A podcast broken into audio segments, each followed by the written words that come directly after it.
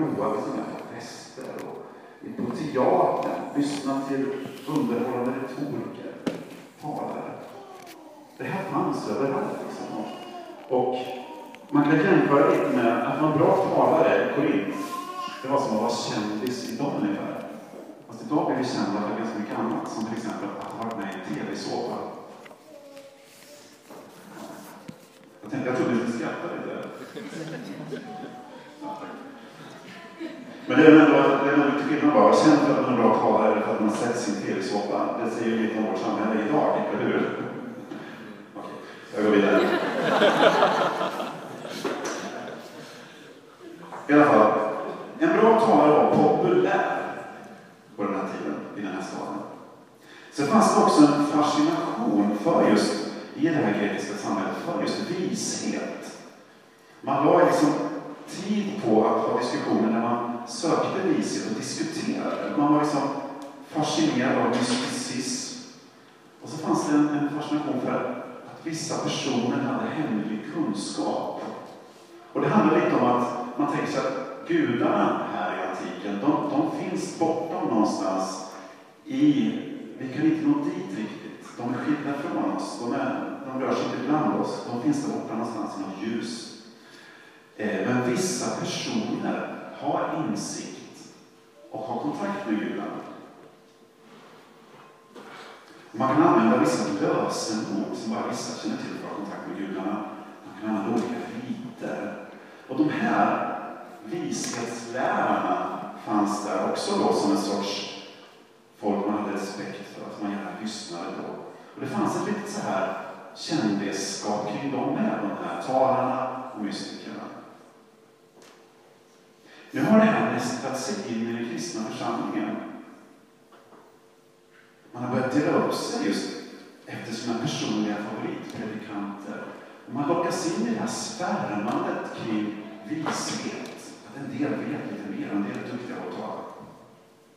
Man bråkar om vem är visast? Vem är bäst på att prata? Vem är bäst i världen? Bland favoriterna så har ju Paulus i kapitlet innan räknat upp några de pratar i Korint i församlingen om, några håller sig till Paulus, de tycker att han är den bäste.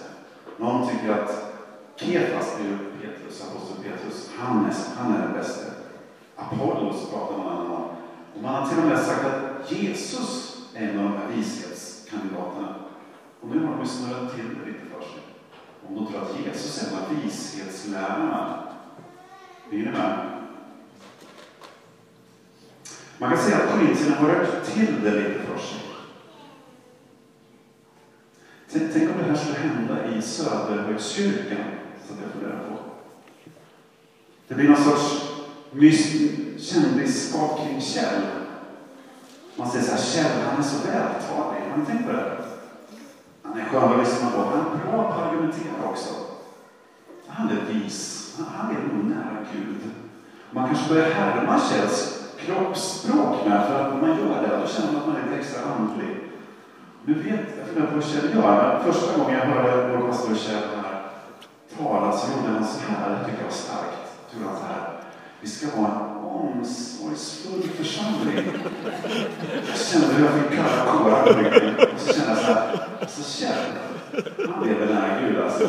Och så började jag, jag kör lite där med här, Omsorgsfull. Då kända för att vi har tv-såpor. Så tar man poäng. Det hänger med? Och det här, det här bekymrar Paulus. Vad är det här jag håller på med? Och då ska vi läsa dagens första avsnitt. Vad säger Paulus till korintierna? Vi kan slå upp första Korintierbrevet.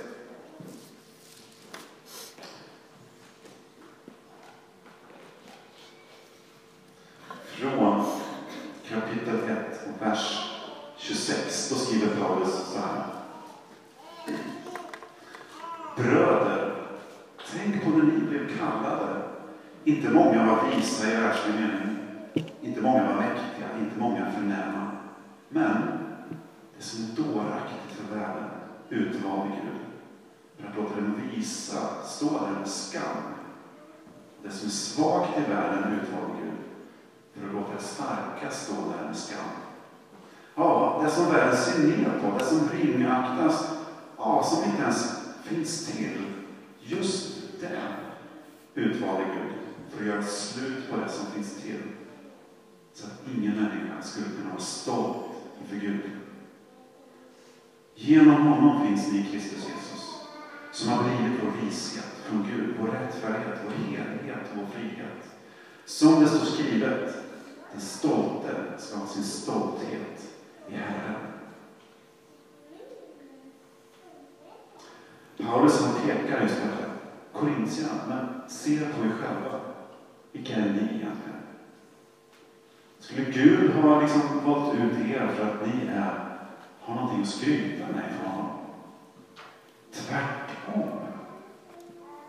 Det verkar som att Paulus säger att Gud har valt ut er just därför att ni är nobodies. Det här kanske låter konstigt tycker du. Men det här är ett tema i Israels historia som Paulus springer nu. Hur Gud väljer ut det svaga för att skämma ut det starka. Israels historia handlar ju om hur Gud väljer ut ett obetydligt folk, Israel, bland alla andra stora mäktiga folk. Just för att han genom det lilla folket ska visa sin storhet för världen. Och en av de största berättelserna är när Gud befriar Israel ur slaveriet i Egypten. När Gud gör slut på alla Egyptens avgudar och tar ut sitt folk ur Egypten. Gud visar sin styrka genom små, smått och litet folk. Eller så kan vi ta en annan historia bara. David och Goliat, den lille fåraherden som går ut och liksom slår ihjäl den store jätten Goliat. Det här gillar Gud. Han gillar att jobba så. Gud verkar ha liksom en förkärlek för att välja svaga människor för sina syften. Det som världen inte liksom tycker är märkvärdigt. Man undrar ju vad är poängen med att Gud gör så här? Varför håller Gud på och gör så här? Nyckelversen är just den här. För att ingen människa ska kunna vara stolt inför Gud. Alltså när Gud väljer det svaga så är det just för att ingen ska kunna stå och säga att det är tack vare mig som Gud lyckas. Tack vare att jag är så smart, vis eller stark. Tvärtom så verkar Gud liksom avsiktligt välja det svaga för att göra slut, och skämma, göra slut på det starka. Skämma ut det stora. Liksom. Hänger ni med? Vad händer? Jo, det blir ju tydligt. Vem är vis? Vem är stark? Vem handlar om? Vems är äran att bli Guds? Och Paulus han är väl medveten om det här. Den stolte ska ha sin stolthet i Herren. Och han, han tänker så här, när Gud kallar folk så letar han inte efter kändisar, starka personer, folk med en massa talang. Tvärtom, han gillar att välja folk som inte har något att skryta med. För att de har sin stolthet i Guds nåd. Han tar sig själv som exempel, vi kan läsa vidare. Nu krigar han lite här mot deras idoler. Han är ju själv en av dem, som är duktig på att tala, som är vis. Men då säger han så här till honom i vers eh, 1 i kapitel 2. När jag kom till er bröder var det inte med förkrossande vältalighet och vishet jag förkunnade Guds hemlighet för er. Det enda jag ville veta av när jag var hos er, det var Jesus Kristus, den korsfäste Kristus. Jag var svag och rädd och full av ängslan när jag uppträdde inför er. Mitt tal och min förkunnelse övertygade inte med vishet utan bevisa med ande och kraft. Er tro skulle inte vila på mänsklig vishet, utan på Guds kraft. Det här är underbart. Alltså det här är evangelium. och det är så skönt när man står där och en mitt och tittar på er, att det är så här det funkar. Gud är inte ute efter en briljant talare. Han är ute efter lille Erik som har sågat för lite och står här och är nervös. Då kan Guds ära komma fram.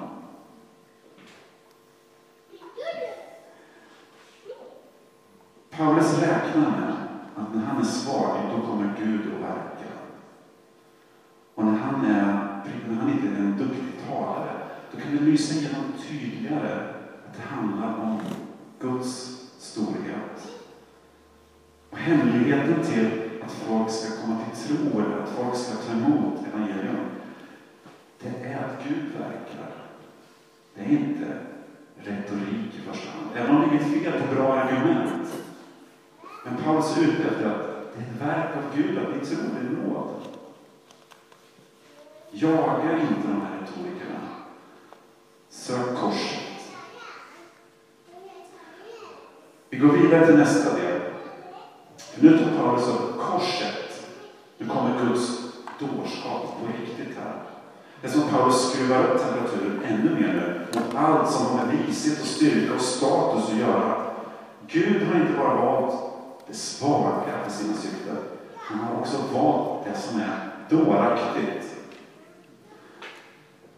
Och då ska vi läsa, vi ska hoppa tillbaks lite till kapitel 1. Läsa om Guds dårskap. I kapitel 1, jag har det här I kapitel 1 och vers 18 så står det så här. Talet om korset en dårskap för dem som går förlorade. Men för oss som räddas är en Guds kraft. Har inte Gud gjort världens vishet till dårskap? Eftersom världen är omgiven av Guds vishet, typ det sköna i skapelsen och allt fantastiskt. Vem inte lärde känna Gud genom visheten, så beslöt Gud att i dårskapen i förkunnelsen rädda dem som tror. Judarna de är tecken, grekerna söker vishet, men vi förkunnar en Kristus som har blivit korsfäst. En stötesten för judarna, en dårskap för hedningarna, men för de kallade, judar som greker, en Kristus som är Guds kraft och Guds vishet. Det här, det här är liksom den största paradoxen av alla. Gud uppenbarad på ett kors. Vi är så vana att prata om korset. Vi kanske inte ser det här. Men om vi backar tillbaka till grekerna, deras tänk kring vishet. För dem så är gudarna långt bortom världens ondska och lidande. Bortom det materiella liksom, som vi kan ta på oss. Att Gud skulle ha blivit människa, det skulle innebära att Gud har klivit på något sätt ner, beblandat sig med oss. Att han skulle bli en människa av kött och blod, det är otänkbart. Det är galenskap. Att Gud också skulle vara förknippad med svaghet, är helt otänkbart. Att Gud skulle blivit torterad, korsfäst och dött, nej, Get out of here. Det finns inte på kartan. Så skulle Gud aldrig uppenbara sig för en grek på den här tiden.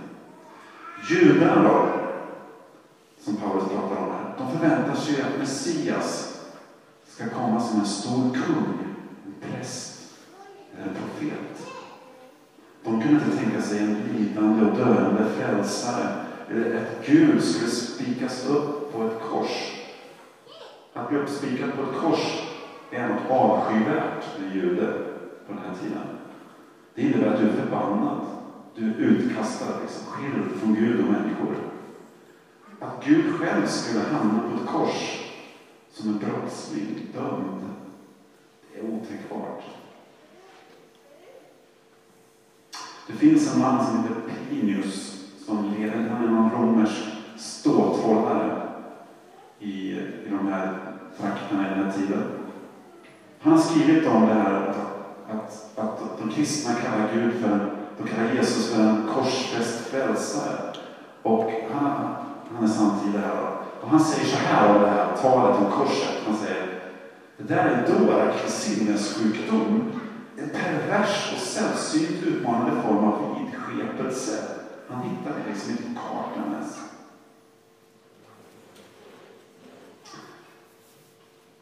Ni är med mig på att det här är helt knasigt? Bra. Han börjar typ hoppa här lite. Annars ska jag berätta mer. Men då är frågan igen så här. Varför gör Gud så här? Varför väljer han korset? Det verkar som att Gud gör det medvetet svårt för sig, eller hur? Ja, men kunde han inte gjort det lite enklare för sig själv? Jag vet inte vad du hade tyckt. Vad skulle Gud ha gjort? Men jag tänker så här, ja, hade det varit idag så kunde väl Gud ha kommit med helikopter till FN sagt riktigt smarta grejer. Alla bara, den här killen, det är Guds son. Det har inte varit en bra idé. Jag hade en, en kompis som jobbade på folkhögskola och hon frågade sina elever, vad tycker ni? Hur skulle ni ha gjort om ni var Gud och skulle uppenbara er för världen? Liksom?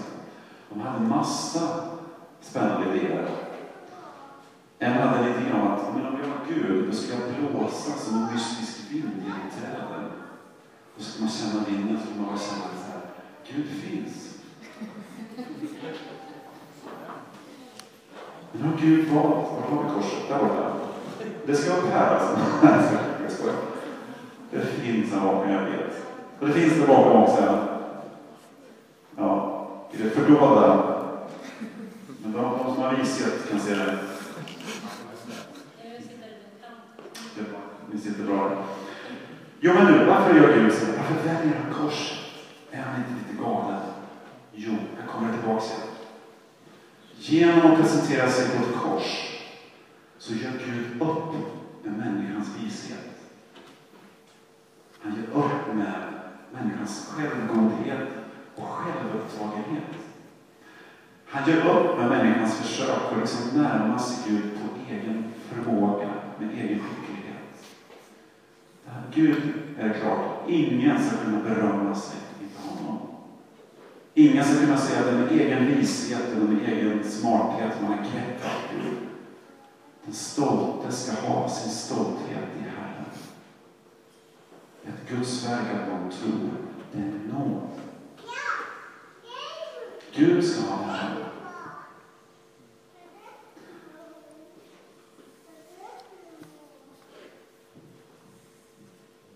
Mm.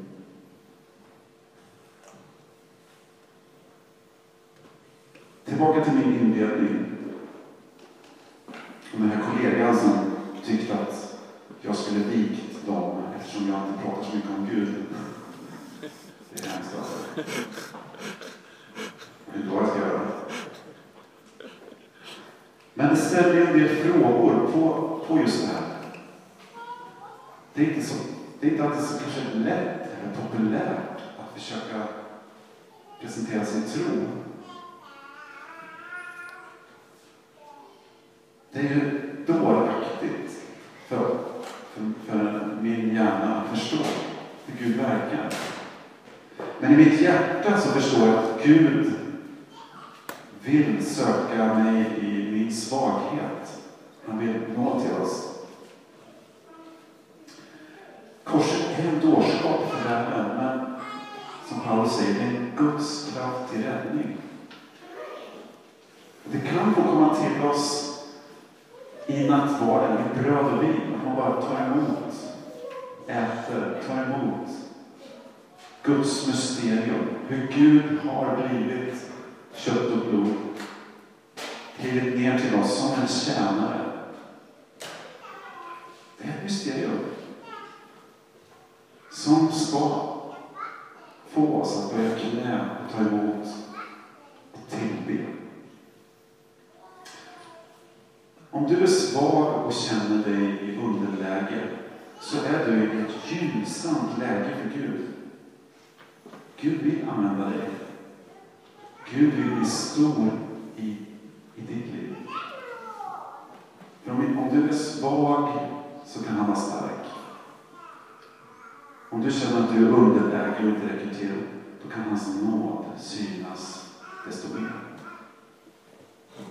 Och det som är fascinerande, jag, jag älskar det när Paulus ändå säger det enda han vill ska vara i centrum, det är att han lyckas förmedla korset så enkelt och tydligt som möjligt. För då kan Guds kraft verka. Det är det vi ber om, det vi hoppas, det vi tror när vi firar gudstjänst. Så kan Gud verka i nattvarden, i tillbedjan och när vi vänder oss mot korset. Jag slutar här med att det. Och nu, vi ska gå vidare och fira nattvard tillsammans. Och eh, jag vill dra närmare Gud med ditt hjärta. Låt Gud få komma till dig i bröd och vin. Och, eh, och förbön, tillbedjan. Han vill komma till dig i, sin, i din svaghet med sin styrka. Ska vi stå upp tillsammans?